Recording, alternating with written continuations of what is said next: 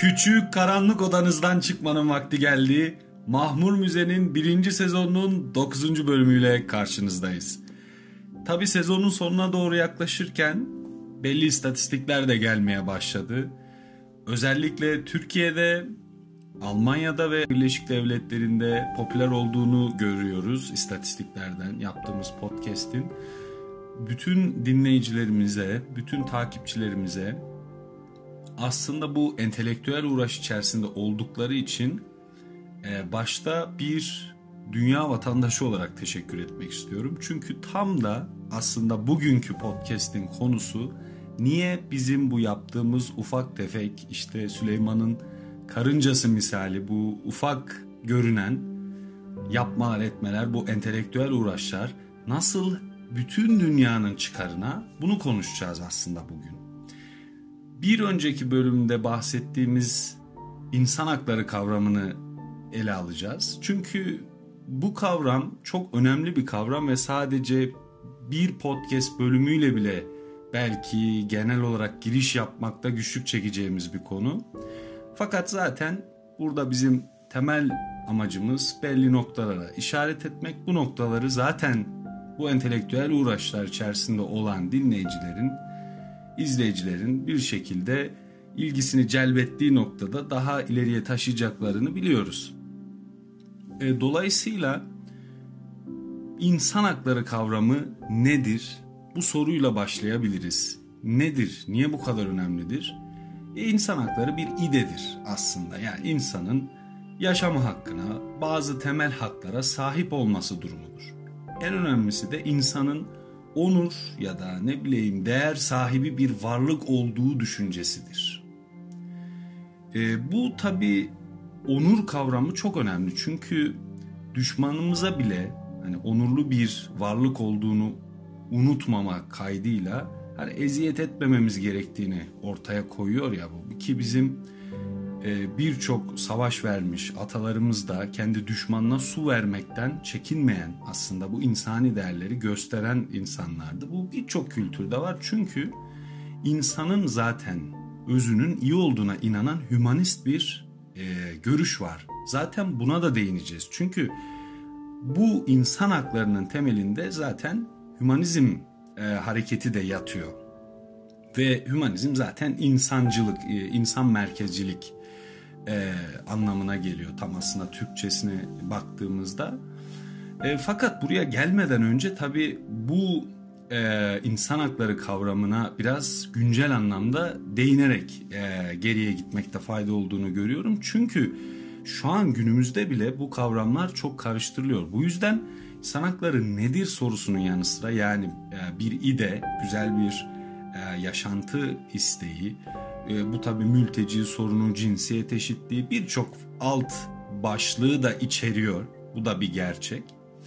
E, fakat yalnızca insan türünün bir üyesi olmasıyla bazı temel haklara o insanın sahip olması düşüncesidir.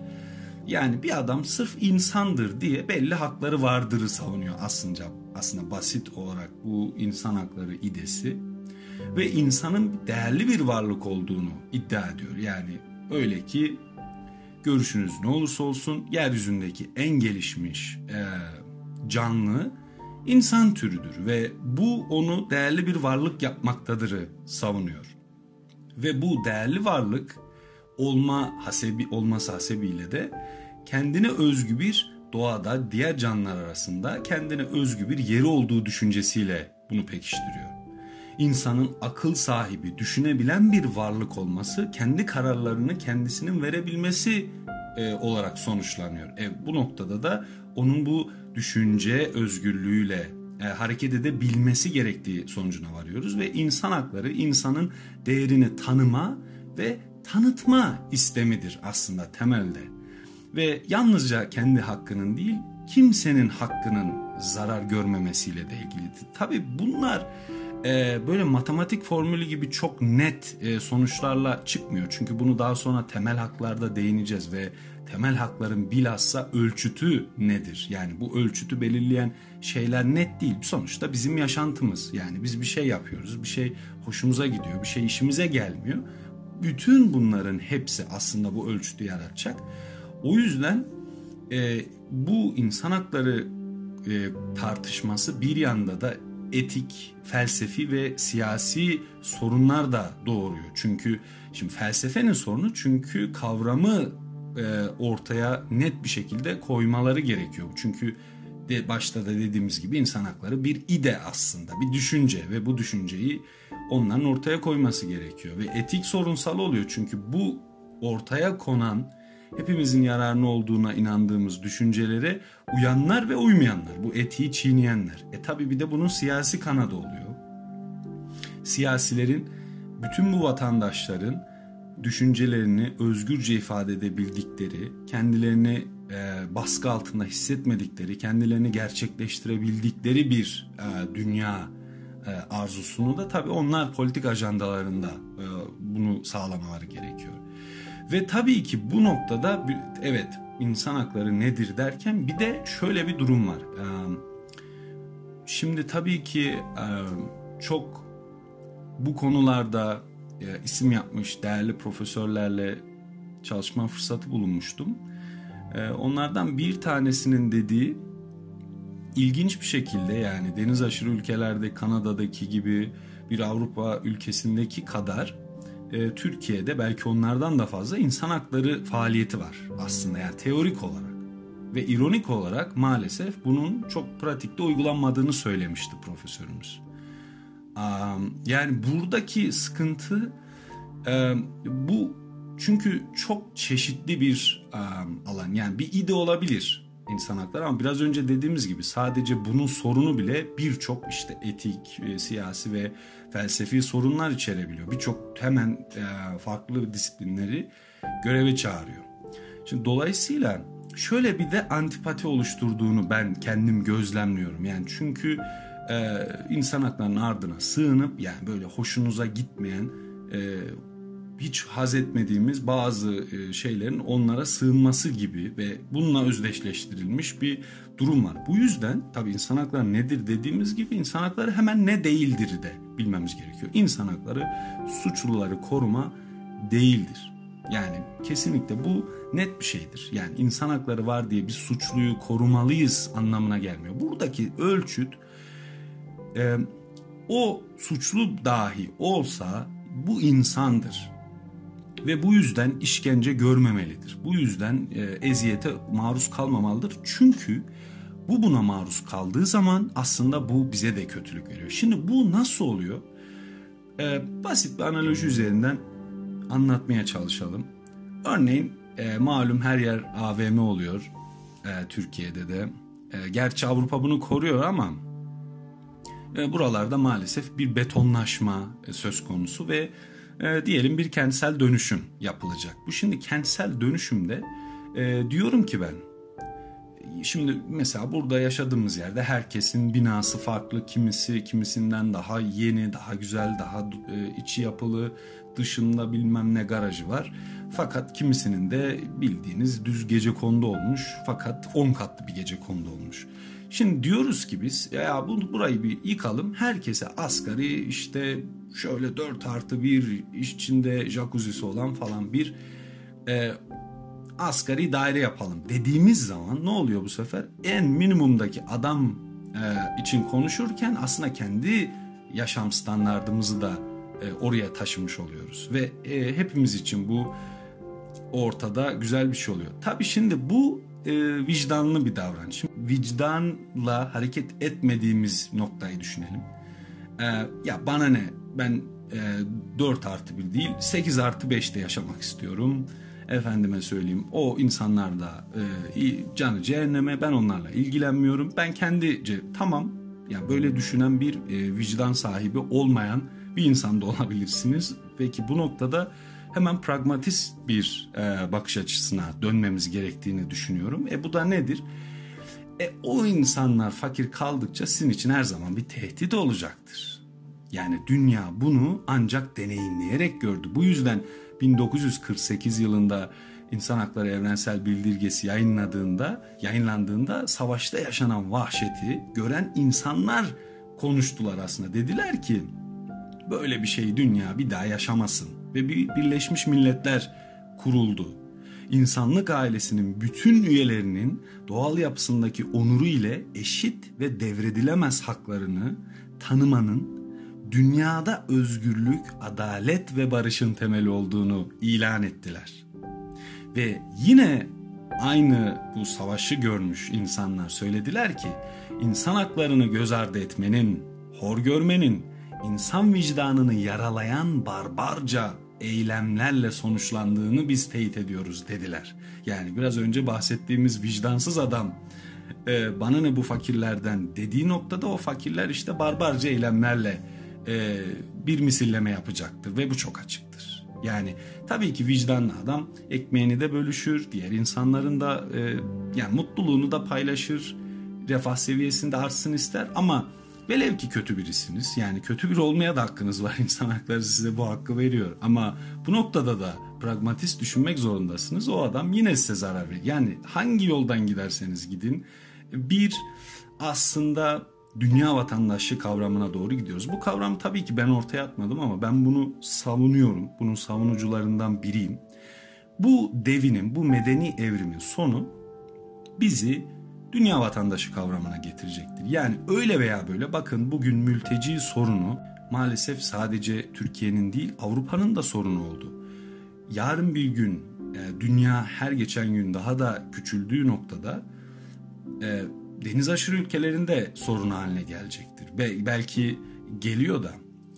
E, o yüzden bu asgari şartları sağlamak en azından asgari anlamda yani tabii Henry Shaw'nun en azları vardır örneğin bu insan haklarında tartışılır. E, ve bu çoğu insan hakları aktivisti tarafından yetersiz de bulunur. Henry Shaw çünkü en azları insanlara e, ya en aslında dediği şudur ya en az verelim de hani gerisini şey, tabi bu savaş psikolojisiyle belki ortaya atılmış bir şeydir ama sonuç itibariyle bir insana en azları dahi olsa verme istemi yine bu barbarca eylemleri insan hakları bildirgesinde belirtilen bu barbarca eylemleri e, bertaraf edecek önemli bir etkendir. Çünkü e, bu dü, e, dünya köy kavramıyla birlikte sorunlar hepimizin oluyor. İşte Çin'de bir adam e, belki hoş olmayan bir şey yedi diye tabii e, popüler kültürde böyle anlıyor. Aslında belki tam da böyle de değil ama her neyse sonuçta uzak bir yerde Çin'de olan bir olay işte bütün dünyaya maske taktırdı. Ve yani bu ilk defa da olmuyor ve bu sadece bununla da sınırlı olmayacak. Bunu hepiniz biliyorsunuz. O yüzden bir an önce bu hepimize kentsel dönüşüm e, metaforik anlamda gerekiyor. E, bu hepimiz için iyi bir şeydir ve bizi götürdüğü yer dünya vatandaşlığı kavramıdır. Birleşmiş Milletler'in bir sonraki e, versiyonu dünya vatandaşı kavramıdır. Benim tek arzum insanlık bunu bir başka savaş e, deneyimlemeden görsün, bir başka e, şey sıkıntı çekmeden yani belki şu an aklımıza bile gelmeyen çok ciddi bambaşka bir sıkıntı e, çıkabilir. Bunları görmeden e, bu çalışmalara başlamalarını e, çok e, önemsiyorum. Dediğim gibi bu e, göçmen sorun örneğin Avrupa'nın da çok büyük korku duyduğu, tüylerini diken diken eden bir sorundu ve Türkiye'den yardım istediler tabiri caizse. Türkiye onları kurtardı orada.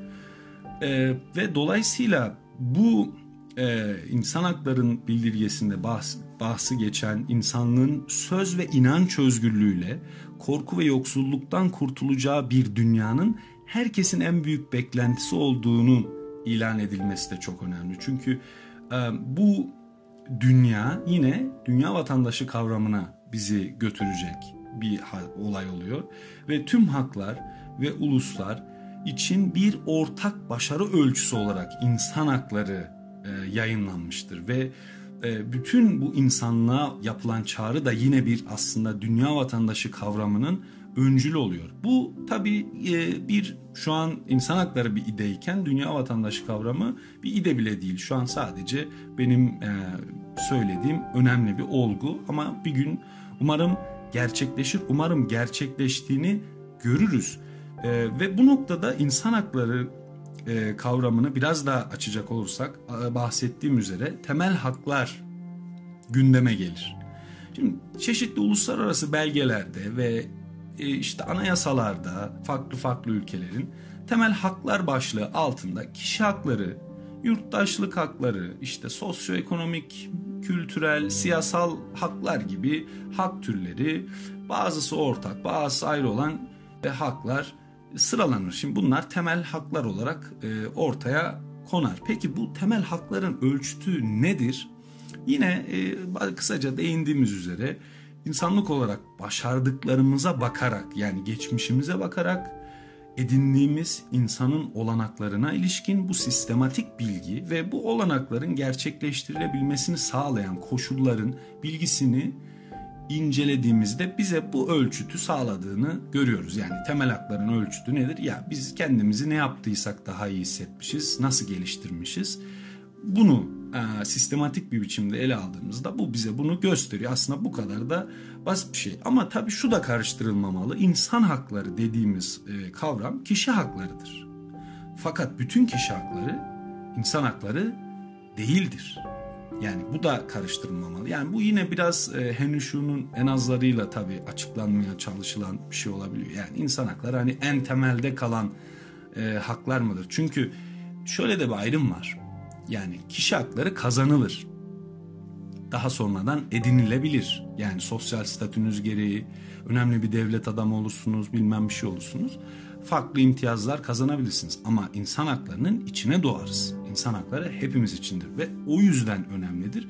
Ve şimdi bu e, insan hakları dediğimiz e, aslında olgunun e, yine e, Latince civitas diaboli diye tabir edilen yani bir aslında günah şehrindeki e, medeniyet yani e, diaboli zaten diablo ço çoğunuz biliyorsunuzdur. Bu bazı latince kavramlar bütün dillerde popüler oluyor. Hani şeytanın kendisi oluyor. E, civitas da e, sivil e, kelimesine İngilizce'de de Türkçe'de de bu haliyle kullanılıyor e, yani bir günah şehrinde gibi an, ele alınıyor. E, bir yani hmm, sivillik, medenilik yani demeye çalıştıkları ya ortada bir insan olduğu için daima bir kaos olacaktır, bir cinayet olacaktır, ne bileyim bir suçlar bunları yani engelleyemezsiniz. Yani ancak Tom Cruise'un Azınlık Raporu diye bir film vardı. Ee, o filmde e, suçlu suçu işlemeden önce tutuklanıp e, işte cezalandırılıyordu ve bunun etik olup olmadığı aslında filmin konusuydu. Çok güzel bir e, konuyu ele alıyordu. E, fakat tabi orada fantastik unsurlar var. Geleceği görebilen robotsu değişik insanlar falan vardı. E, şimdi biz bunu yapamadığımız için bunu gerçekleştiremeyeceğiz dünyada da ve bu olacak ama burada yine bu medeniliği e, sağlamak için e, temel toplumun asayişini huzurunu sağlayabilmek için belli ölçütlere dayanmamız gerekiyor. İşte bunların aslında en önemli ya bunları yaparken aslında insan hakları direkt bu e, düzenle ilgili değil. Yani düzeni anayasada siz korsunuz. O başka e, bir e, konu. Burada insan hakları bu e, düzenin sağlanma şekli. Yani aslında bunu nasıl sağlayacağınızla ilgileniyor daha çok insan hakları. Yani evet bir suçluyu cezalandırın ama işte işkence etmeyin. Yani bunu söylüyor. Dolayısıyla ilk türden istemler de insan haklarıyla e, ilgili oluyor. Yani doğrudan doğruya insanın olanaklarını gerçekleştirebilmesiyle ilgili bir kavram bu da. Yani evet ilk türden istemler, insana özgü et, e, etkinlikleri gerçekleştirirken kişilere dokunulmaması istemini de işte dile getiren bir kavram oluyor. Yani e, bunlar hep temel, hep ilk türden işte temel haklar dikkat ettiyseniz yani çok aslında temelde yani e, insana insan olduğu için değer vermeyi e, savunan bir kavram. Kişi özgürlüğü ve güvenlik hakları gibi. Yani hiç kimsenin tutsak ya da köle durumunda tutulmaması. Yani niye tutsak oluyorsunuz, niye köle oluyorsunuz 21. yüzyılda? Hiç kimseye işkence, acımasız veya aşağılayıcı bir muamele edilmemesi yani düşmanımıza bile su verdik e, mantığıyla hareket etme ve kimsenin keyfi olarak tutuklanmaması gibi kişi özgürlüğü ve güvenlik haklarının da e, konusu. Yani düşünce, kanaat, barışçı bir şekilde toplanma özgürlükleri ya birçok e, farklı konu var. Dediğimiz gibi burada ölçüt bu e, bizim insanlık olarak başardıklarımıza bakarak edindiğimiz bazı sistematik bilgiler aslında. Bu e, yüzden e, çok e, matematik gibi net belli sayılarla ifade edebileceğimiz bir şey de değil ve e, her geçen gün genişlemektedir de zaten. Biz bunlara bakıp insan için e, ne yapabiliriz? Çünkü bu kentsel dönüşüm herkesin işine geliyor. Fakat yine burada e, edebiyatın müthiş bir fonksiyonu var. Yani bu kadar e, işte e, önemli ki şimdi bütün bu anlattığımız şeylerin bir de temeline bakalım. Bu hümanizm dediğimiz şey nasıl çıkıyor, nasıl gelmiş, nasıl var olmuş? Ee, aslında 16. yüzyılda bir İngiliz Rönesansı da görüyoruz. İngiltere'ye bu kadar tabii geç gelmesinin sebebi İngiltere'nin bir ada olmasıyla da ilgili. Ve şu çok meşhur Erasmus. Hani bir Erasmus e, kapsamı vardır. Ee, öğrenci değişim programı işte Türkiye'den öğrenciler Avrupa'ya gider Avrupa'dan öğrenciler gelir. Şimdi bu Erasmus yine e, kendi ismiyle e, anılan bu e, önemli bir e, düşünürün, e, gezginin e, adına düzenlenmiş bir e, değişim programı. Çünkü kendisi de geziyordu. Bu entelektüel yapmaların hepimize bir metaforik kentsel dönüşüm sağlaması noktasında nasıl bir katkısı olduğuna bakmak için şimdi e, şunu görmek gerekiyor. Rönesans ne, neydi yani? Rönesans Fransızca yeniden doğuş demek ya. Ne yeniden doğan nedir yani? Nedir? Ne olacak antik dönem? Antik işte Yunan ve Roma eserleri. Yani ve Rönesans felsefede çok etkili oldu. İşte bilimde Kopernik gibi, Galileo gibi, Newton gibi bilim insanları oluşturdu. Mimaride işte resimde Leonardo gibi, Rafael gibi, dinde Martin Luther veya İngiltere'deki o Reformation hareketi denilen e, harekette e, etkiler oluştur ve bu işte Erasmus'un e, İngiltere'ye yaptığı ziyaretlerden kaynaklanıyor. E, ve İngiltere'de de aslında ilk İngiliz hümanistler Erasmus'tan etkileniyor. Bu iki isim e, verebiliriz işte. E, John Colet ile Thomas More bunlardan e, yani ilk İngiliz hümanistler olarak ortaya çıkıyorlar. Ve e, yani neydi peki hümanist dediğimiz yani bu insanı merkeze koyan e, algı? Ya bir e, toplum hizmetkarıyım ben diyor. Yani toplumun faydası benim faydamdır düşüncesinde insanları sevmek, insanları merkeze koymak ve aynı zamanda bir e, eğitimin sekülerleştirilmesi söz konusu. E, bu ne demek? Şimdi hep duyar, duyardık yani ben e, çocukluğumdan beri duyarım. Skolastik düşünce, skolastik. Skolastik düşünce çok bana hiçbir şey çağrıştırmıyor. Aslında kelimenin köküne bakmadığımız için. Şimdi kelimenin köküne baktığınızda skolastik school'dan geliyor. School kelimesi ya okul kelimesi İngilizce. Ee, aslında okul dediğiniz şey bizim e, Osmanlı Devleti'nde de eski e, Türk geleneklerinde de medrese dediğimiz şey yani eğitim dini eğitimle e, özdeşleştirilmişti. Oysa teoloji ayrı bir eğitim dalıydı. Her şeyi teolojiyle eğitim görmek nasıl tuhaf bir şey. Yani bu teoloji eğitimi olmasın anlamına gelmemektedir. Şöyle düşünün bir matematik ayrı bir bilim dalıdır. Şimdi edebiyat dersinde matematik diskuruyla işlediğinizi düşünün. Tam olarak böyle bir karman çorman düşünce sistemi vardı. Ve Erasmus e, bir saldırı başlattı. Dedi ki skolastik düşünceye e, saldırıyorum. Neden saldırıyorum? Çünkü onun latincesi çok kötü. Yani ortaçağ latincesi tıpkı bizim işte e, medreselerde oku, e, zamanında okutulan şeylerin çoğu Arapça e, kelimelerini insanların takip edemediği ve bunun sonucunda ülkemizde bilimin gelişmesini tamamen durdurması gibi. Ve biz geri kaldık endüstri çağına giremedik. Ve e, Erasmus skolastik düşünceye onun metodolojisi kötü diye saldırıyor. Çünkü yine bu metot e, deneysel değil de daha çok teorik kalıyordu. Oysa bilimde daima deney vardır. Ya evet iki şekilde ilerliyor. Teorik ve deney ama ikisi de çok önemli. Ve son olarak da onun entelektüelliği üzerinden e, saldırı açıyor. Çünkü yine e, bilgiyi öğrenmek yerine bir dogmatik e, tarafı vardı bu skolastik düşüncenin. Ve e, aslında Erasmus'la birlikte bir Hristiyan hümanizminin e, Kuzey Avrupa'da gelişmesinden bahsediyoruz. Yani sadece hümanizm değil, e, yani ortada bir Hristiyan hümanizmi söz konusu. Yani e, dolayısıyla e, burada bir e, din din çok ortada çünkü orta çağda ve bu tam olarak aslında bizde de böyle.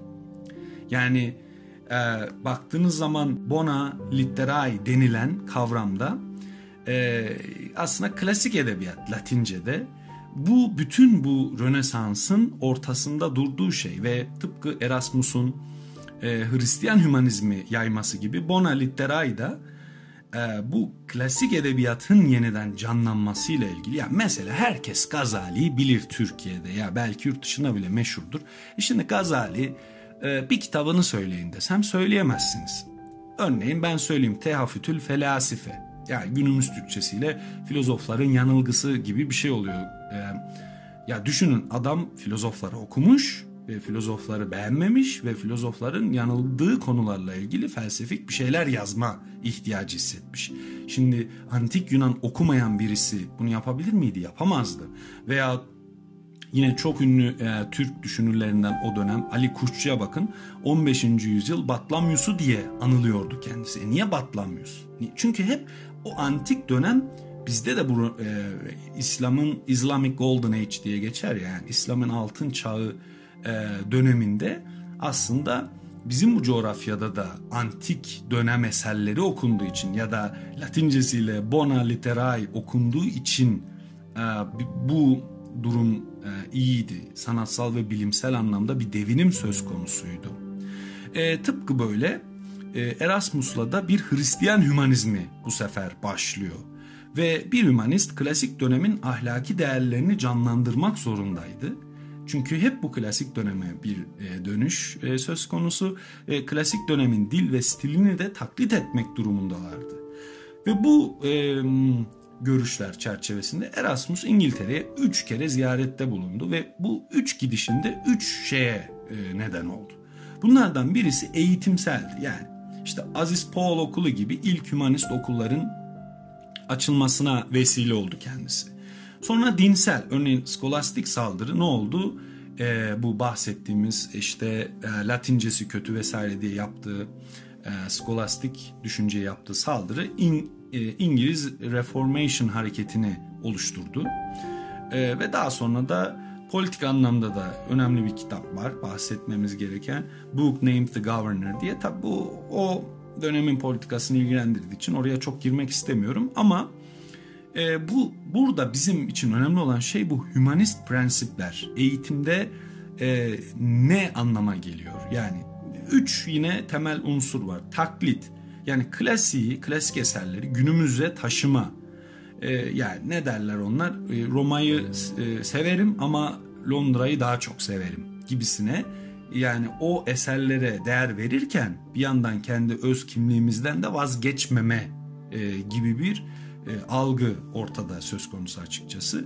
Ve pragmatizm yani bu işin gerçek hayatta bize faydası nedir bu bilginin? Bunu düşünürlerdi ve belki en önemlisi Üçüncü haset görev. Yani bir hümanistin görevi filozof kral felsefesi. Yani onlar şunu düşünüyorlardı. Bir lider eğer felsefe bilirse gerçekten bu e, bona literae yani bu iyi e, edebiyat bilirse e, ahlaklı, anlayışlı olma eğiliminde olacaktır ve iyi bir yönetici olacaktır. Bunu savunuyorlardı. Ve dolayısıyla gördüğünüz gibi bu e, temel haklar, insan hakları konuştuğumuz bütün bu kavramlar hepimizin faydasına olduğu gibi bunu aslında sağlamanın da en basit yolu dediğimiz gibi Süleyman'ın karıncası misali e, Bone Litera yani sadece tabii klasik eserler okuma eğilimi değil. Yani bu klasiği günümüze de taşıma ve yine edebiyat. E, bu çok önemli. Yani bizdeki Gazalileri, Ali Kuşçuları e, yaratan da orada Erasmusları yaratan da e, işte John Collett'leri yaratan da hep bu e, eski çok önemli bazı eserlerde gösterilen o e, ülküyle hareket etme durumu oluyor. E, o yüzden biz de bunları kendi hayatlarımızda e, sağlamak için daha fazla e, okuduğumuz gibi bu okuma eğilimini e, diğer herkese de bulaştırmamız gerekiyor. Yani sadece kendi kendine bir kitap alıp okumak değil bu e, okuduğumuz şey her neyse bunu bir başka insana tartışmak.